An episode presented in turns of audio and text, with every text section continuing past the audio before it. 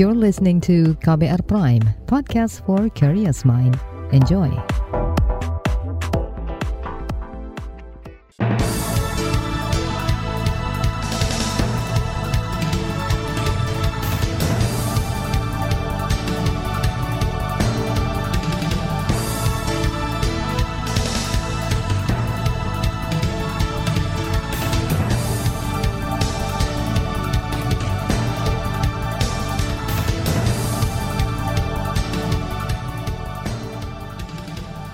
Selamat pagi saudara, senang sekali kami bisa menjumpai Anda melalui program Buletin Pagi edisi Kamis 1 Desember 2022. Bersama saya, Naomi Liandra. Sejumlah informasi pilihan telah kami siapkan di antaranya, pemerintah didesak cari solusi stok beras menipis. Jokowi ingatkan kepala daerah segera realisasikan APBD. Pencarian korban gempa Cianjur diperpanjang tiga hari. Inilah Buletin Pagi selengkapnya terbaru di Buletin Pagi. Saudara pedagang beras pasar Cipinang mendesak pemerintah segera melakukan impor lantaran stok di lapangan menipis. Menurut Ketua Koperasi Pasar Induk Beras Cipinang Zulkifli Rashid, sejak Agustus lalu stok sering menghilang sehingga membuat harga beras terus naik. Stok Bulog sendiri juga Pak Kabulog mengatakan bahwa stok Bulog itu ada lebih kurang 625 ribu ton. Itu saya rasa sangat tidak cukup untuk menghadapi uh, akhir tahun dan Desember, Januari, Februari yang akan datang. Sebab kenapa? Harga sekarang melonjak terus dan sedangkan beras yang datang dari lini daerah semuanya boleh dikatakan tidak ada. Stok satu-satunya yang yang membantu untuk saat ini adalah Bulog sendiri yang mengeluarkan stoknya yang ada. Ketua Koperasi Besar Pasar Induk Cipinang Zulkifli Rashid mengatakan stok di tingkat petani pun sudah habis. Sejak Agustus, pedagang di daerah mulai mencari stok beras ke pasar induk. Kata dia kebutuhan beras per hari untuk Jakarta saja mencapai 2.500 ton. Jika daerah lain ikut mengambil jatah, maka stok harus ditambah. Sementara Bulog hanya bisa menyediakan sekitar 150 ton untuk tambahan dari 500 ton yang diminta. Sebelumnya, Direktur Utama Perum Bulog Budi Waseso membenarkan stok gudang Bulog menipis. Kata dia, Bulog tidak mampu menyerap beras di petani karena harga beli terlalu tinggi dan minim ketersediaan.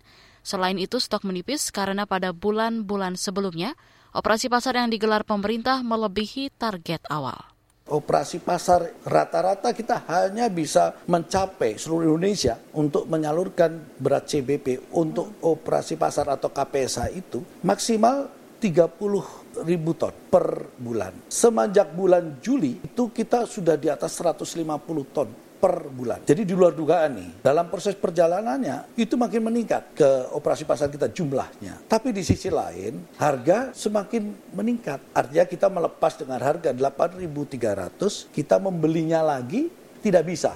Direktur Utama Bulog Budi Waseso menjelaskan sudah menyampaikan kepada Presiden Jokowi tentang stok Bulog berkurang banyak. Namun Kementerian Perdagangan mengklaim punya stok 6 juta ton beras yang siap digunakan sewaktu-waktu. Namun, kata Buas, stok tidak ada. Akibat beda data tersebut, Bulog tidak mendapat dana tambahan dari Kementerian Keuangan. Sebab Bulog dijanjikan stok 1 juta ton beras oleh Menteri Perdagangan dan Menteri Pertanian. Lebih lanjut, menurutnya dalam kesepakatan ratas pangan, stok aman beras nasional ditetapkan 1 hingga 1,2 juta ton. Namun sampai saat ini stok yang tersisa kurang dari 600 ribu ton saja. Sehingga jika impor tidak dilakukan, maka harga beras akan melonjak. Saudara, harga beras nasional per 30 November kemarin mencapai Rp11.400 per kilogram untuk kualitas bawah. Sementara untuk kualitas super mencapai Rp12.700 per kilogram. Harga tersebut terus meningkat selama sepekan terakhir dengan rentang 200 hingga 500 rupiah per kilogram. Untuk menstabilkan harga, pemerintah melalui Badan Pangan Nasional mengatakan akan segera membuka operasi pasar. Sebanyak 150 ribu ton beras per bulan akan didistribusikan ke beberapa titik di daerah. Perbedaan data beras dikritik anggota Komisi Bidang Perdagangan DPR dari fraksi PKS Amin Aka. Kata dia, hal itu mempersulit pengambilan kebijakan terkait beras. Ia menyebut langkah paling cepat yang diambil adalah dengan operasi pasar. Namun ia mendesak agar pemerintah menggunakan satu data terlebih dahulu. khususnya ini terkait dengan data. Kita memang belum punya data yang terkait dengan ini satu data yang valid, yang bisa dipercaya, bisa dijadikan sebagai dasar pengambilan keputusan sekaligus untuk memitigasi atau menutup peluang maaf ya mungkin ada onok-onok yang mau bermain. Harga beras dimainkan di pasar ingin naik. Kemudian melakukan impor beras nanti melalui subsidi. Ada subsidi misalnya dari APBN bisa saja seperti itu. Nah importer-importernya itu kan yang bisa untung. Amin juga mendorong Bulog cepat menyerap beras petani lokal dan membelinya dengan harga di atas harga pokok produksi. Kata dia, jangan sampai beras diserap tengkulak yang menyebabkan petani merugi karena harga murah. Sementara itu, pengamat pertanian dari Asosiasi Ekonomi Politik Indonesia, Hudori, mengatakan pemerintah harus segera mengambil sikap terkait stok cadangan beras bulog. Meski begitu, apa pun pilihan yang diambil, termasuk impor, memiliki resiko dan harga beras tetap akan melonjak. Tidak ada pilihan terbaik. Ini semua pilihannya pasti ada risiko, pasti ada dampaknya. Nah, tapi tidak bisa pemerintah membiarkan itu larut-larut. Hmm. Kalau pemerintah memutuskan tidak impor, oke. Okay. Tapi potensi tadi, potensi bahwa nanti di, di Januari Februari itu akan terjadi kenaikan harga, ya harus harus ditanggung kira-kira gitu. Hmm. Dan itu dampaknya kan ke, ke salah satunya ke, ke inflasi kan. Hudori menilai opsi impor sudah terlambat sebab idealnya dilakukan paling lambat Oktober. Saudara, Presiden Jokowi kembali mengingatkan kepala daerah untuk menggunakan APBD yang masih mengendap. Informasinya akan hadir sesaat lagi. Tetaplah di Buletin Pagi KBR. You're listening to KBR Pride, podcast for curious mind. Enjoy!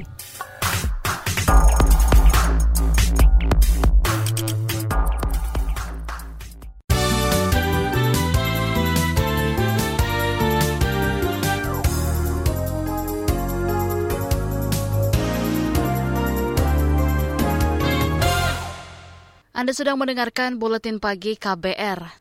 Saudara Presiden Joko Widodo meminta seluruh kepala daerah segera merealisasikan APBD guna mendongkrak pertumbuhan ekonomi daerah.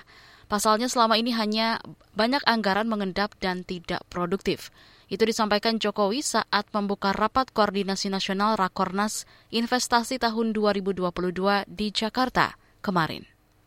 Yang terakhir, ini mengenai APBD karena mumpung ada gubernur, bupati, wali kota.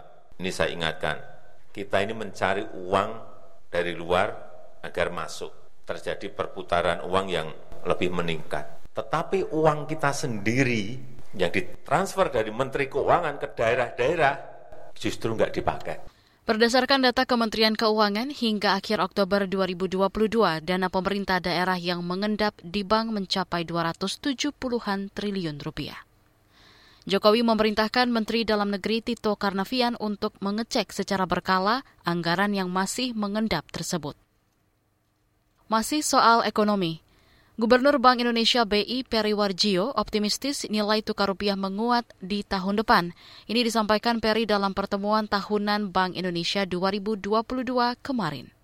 Stabilitas nilai tukar rupiah tetap terjaga. Komitmen tinggi Bank Indonesia. Rupiah pada 2023 insya Allah Tuhan mengendaki akan menguat apabila gejolak global mulai meredah. Didukung fundamental ekonomi Indonesia yang baik, pertumbuhan tinggi, inflasi rendah, inflasi imbal hasil SBN menarik. Gubernur Bank Indonesia Peri Warjio menjelaskan penguatan nilai tukar rupiah dapat dilakukan ketika inflasi terkendali.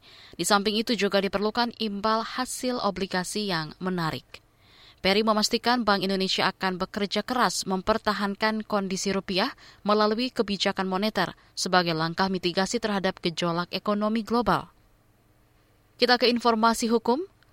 Barada Richard Eliezer terdakwa kasus pembunuhan berencana Brigadir Yosua dicecar hakim terkait sikap Putri Chandrawati saat perjalanan pulang dari Magelang di Jakarta.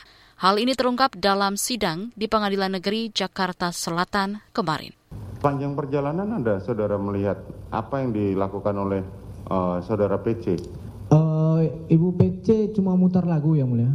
ada okay. mutar lagu dia minta tolong sambungkan bluetooth dari sambungkan bluetooth ada sempat putar-putar lagu ada sempat nangis juga yang mulia jadi ada di jalan itu saya kan Sadam ini sudah WA ke saya karena Sadam pada saat itu posisinya standby di kediaman Bangka di Jalan Bangka. Eliezer juga mengaku pernah melihat Verdi Sambo dan Putri Chandrawati marah seperti habis bertengkar.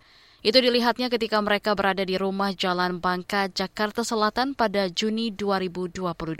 Seperti diketahui, Sambo dan Putri didakwa melakukan tindak pidana pembunuhan berencana bersama dengan tiga terdakwa lain, yaitu Barada Eliezer dan Bribka Riki Rizal, serta sang supir Kuat Ma'ruf. Beralih ke informasi kesehatan, Menteri Kesehatan Budi Gunadi Sadikin akan menggenjot imunisasi dasar lengkap dalam program Bulan Imunisasi Anak Nasional BIAN. Kegiatan ini digelar untuk meningkatkan capaian imunisasi anak yang sempat menurun akibat pandemi COVID-19. Kata dia bakal ada tambahan imunisasi lain seperti campak rubella dan polio. Nah, kita harapkan di tahun ini akan ada perbaikan untuk meningkatkan kembali imunisasi eh, dasarnya kita imunisasi rutinnya kita. Karena seperti yang Bapak Ibu lihat juga kemarin uh, terjadi kasus polio karena memang lemahnya imunisasi dasar kita ya, imunisasi rutin kita. Kementerian Kesehatan mencatat selama 2020 hingga 2021 cakupan imunisasi dasar lengkap pada bayi turun drastis. Semisal pada 2020 target imunisasi 92 persen atau sekitar 4,4 juta anak. Namun yang tercapai hanya 84 persen atau 3,7 juta anak. Sehingga pada periode 2020 hingga 2021 ada sekitar 1,7 juta bayi yang belum mendapatkan imunisasi dasar. Kita ke informasi lain. Mahkamah Konstitusi MK mengabulkan sebagian permohonan pengujian Undang-Undang Pemilu. Gugatan diajukan warga Bekasi Leonardo Siahaan yang menguji pasal yang melarang ex-napi maju pemilu legislatif. Menurut Ketua MK Anwar Usman, bakal calon anggota Dewan Daerah adalah WNI yang memenuhi syarat. Tidak pernah sebagai terpidana berdasarkan putusan pengadilan yang telah memperoleh kekuatan hukum tetap karena melakukan tindak pidana yang diancam dengan pidana penjara lima tahun atau lebih kecuali terhadap terpidana yang melakukan tindak pidana kealpaan dan tindak pidana politik dalam pengertian suatu perbuatan yang dinyatakan sebagai tindak pidana dalam hukum positif hanya karena pelakunya mempunyai pandangan politik yang berbeda dengan rejim yang sedang berkuasa. Ketua MK Anwar Usman mengatakan pemaknaan yang diajukan pemohon tidak sama sehingga pasal tersebut perlu penyelarasan, yakni terkait ketentuan harus menunggu lima tahun setelah terpidana menjalani pidana penjara. Kita ke informasi mancanegara.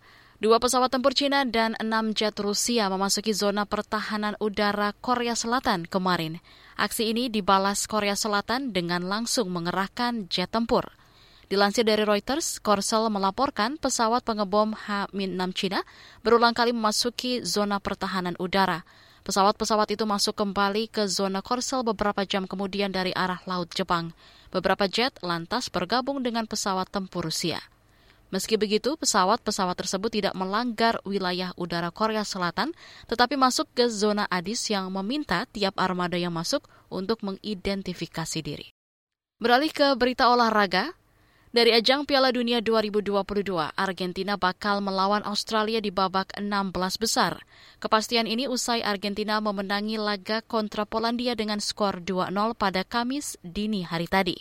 Dua gol disarankan Alexis McAllister dan Julian Alvarez. Di pertandingan ini, Messi gagal mencetak gol melalui titik putih. Ia menjadi pemain pertama yang gagal mencetak dua tendangan penalti di Piala Dunia. Sementara itu, Australia meraih tiket 16 besar setelah menang tipis 1-0 melawan Denmark. Partai lain yang menyajikan Prancis lawan Polandia. Tim Ayam Jantan berhasil lolos ke 16 besar meski kalah 0-1 atas Tunisia. Di bagian berikutnya kami hadirkan laporan khas KBR tentang genjot investasi untuk ancaman resesi. Tetaplah di Buletin Pagi KBR. You're listening to KBR Pride, podcast for curious mind. Enjoy!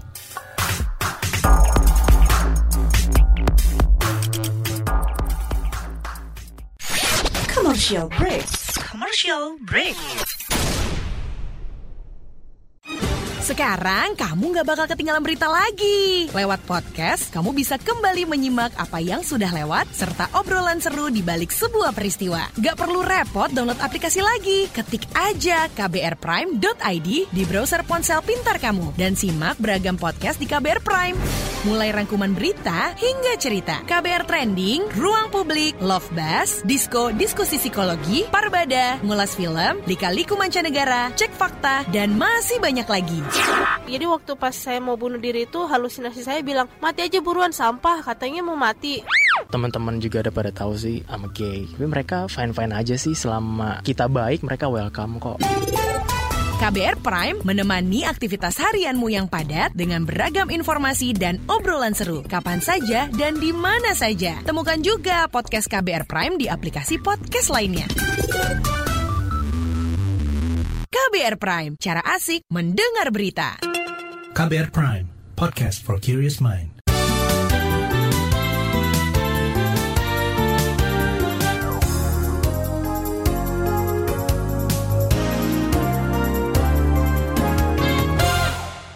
Anda masih bersama kami di Buletin Pagi KBR. Saudara, ancaman resesi ekonomi makin nyata di tahun depan. Pemerintah mulai pasang kuda-kuda untuk mengantisipasi dampak terburuk. Salah satunya dengan menggenjot investasi. Seberapa efektifkah langkah tersebut? Selengkapnya kita simak laporan khas KBR disusun jurnalis Reski Novianto. Saudara Presiden Joko Widodo meminta para menteri dan pejabat daerah memiliki kepekaan yang sama saat menghadapi gejolak krisis ekonomi global. Jokowi menyebut seluruh negara tengah berlomba menarik investor untuk menghadapi ancaman resesi global yang diperkirakan terjadi tahun depan termasuk Indonesia diperkirakan awal tahun depan sudah masuk pada resesi global. Ini yang kita semuanya sekali lagi harus memiliki perasaan yang sama. Oleh sebab itu, yang namanya investasi, yang namanya investor itu jadi rebutan semua negara. Karena semua negara ingin ada capital inflow, ada arus modal masuk semuanya. Karena kalau nggak ada tambahan arus modal masuk, perputaran uang akan tidak terjadi pertumbuhan. Presiden Joko Widodo meminta pemerintah pusat dan daerah tidak mempersulit masuknya investor ke Indonesia. Jokowi mewanti-wanti agar kepercayaan para investor tak terganggu karena kesalahan dalam memberikan pelayanan.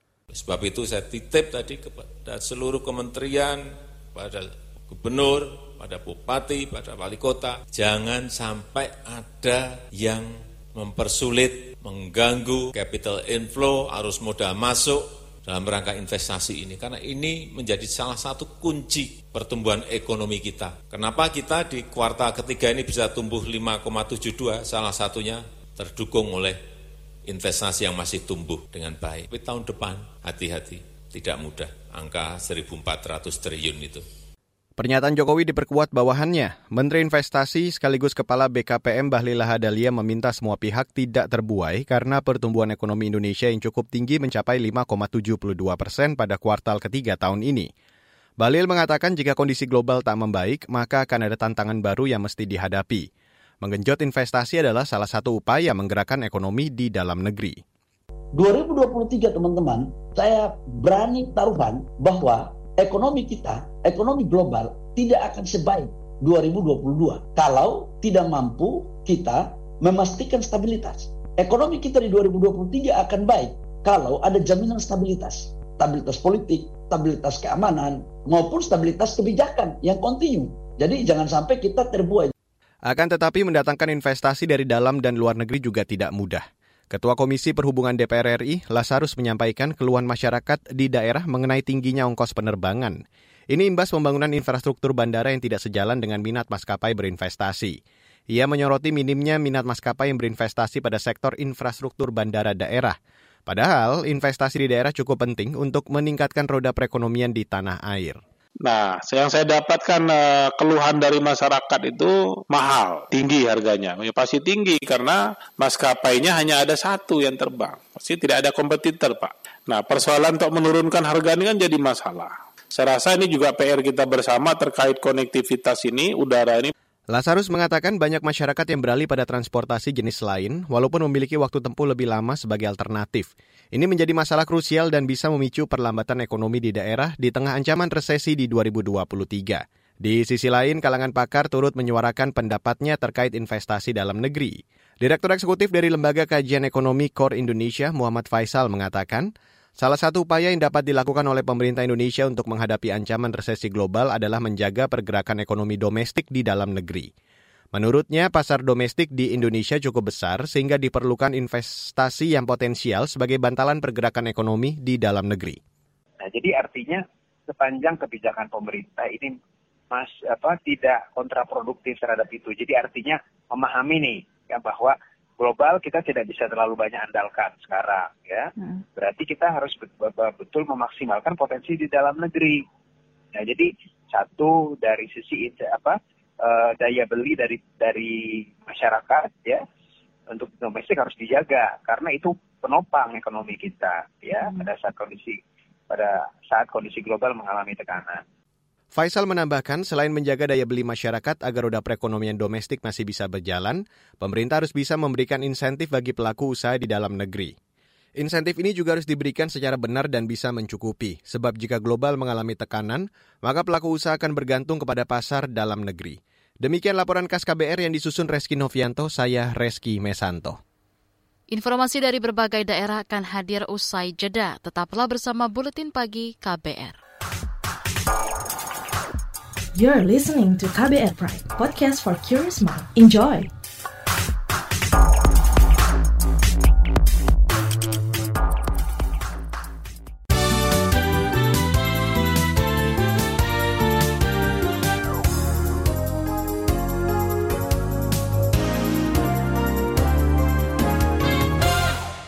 Inilah bagian akhir buletin KBR. Saudara, proses pencarian korban gempa Cianjur, Jawa Barat diperpanjang hingga tiga hari ke depan. Pencarian mestinya berakhir kemarin, tetapi masih ada 12 orang yang hilang. Hal itu diungkapkan Bupati Cianjur, Herman Suherman. Kami, Kabupaten Cianjur, telah membuat usulan penambahan waktu tiga hari ke depan. Mohon doanya mudah-mudahan dalam waktu tiga hari, bahkan satu hari pun kalau besok ketemu, ya Basarnas akan berakhir. Dimohon doanya agar cuaca baik dan Basarnas juga bisa menemukan warga yang hilang sebanyak 12 jiwa. Herman menambahkan dalam 24 jam terakhir satu korban jiwa kembali ditemukan, sehingga sampai hari ini jumlah korban meninggal mencapai 328 orang. Sedangkan korban luka mencapai hampir 600 orang dan pengungsi, lebih dari 100 ribu orang yang tersebar di 451 titik pengungsian. Beralih ke Bangka Belitung, Kapolri Listio Sigit Prabowo menerima penyerahan dua jenazah kru helikopter P-1103 yang jatuh di perairan Manggar, Belitung Timur. Jenazah Bribda Anam dan Bribtu Lasminto akan diterbangkan ke Jakarta hari ini.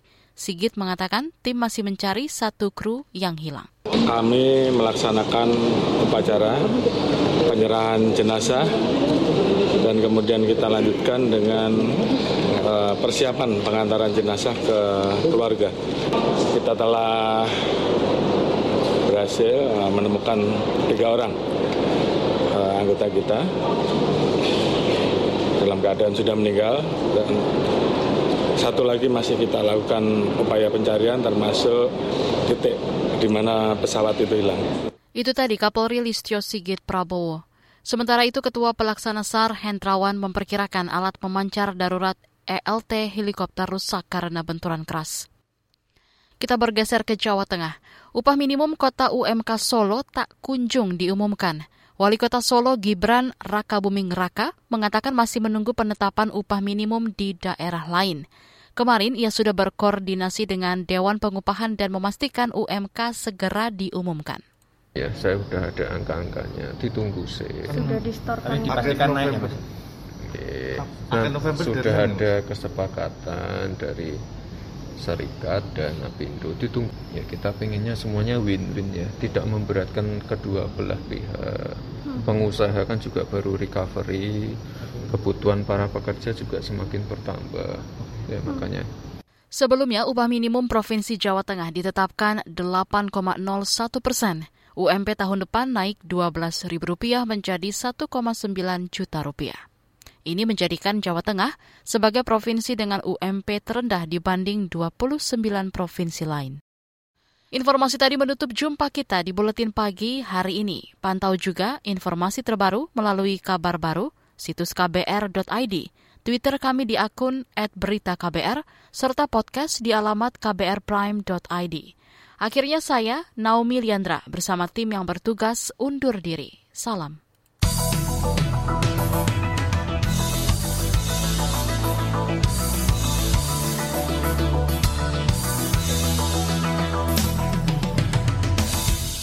KBR Prime, cara asik mendengar berita. KBR Prime, podcast for curious mind.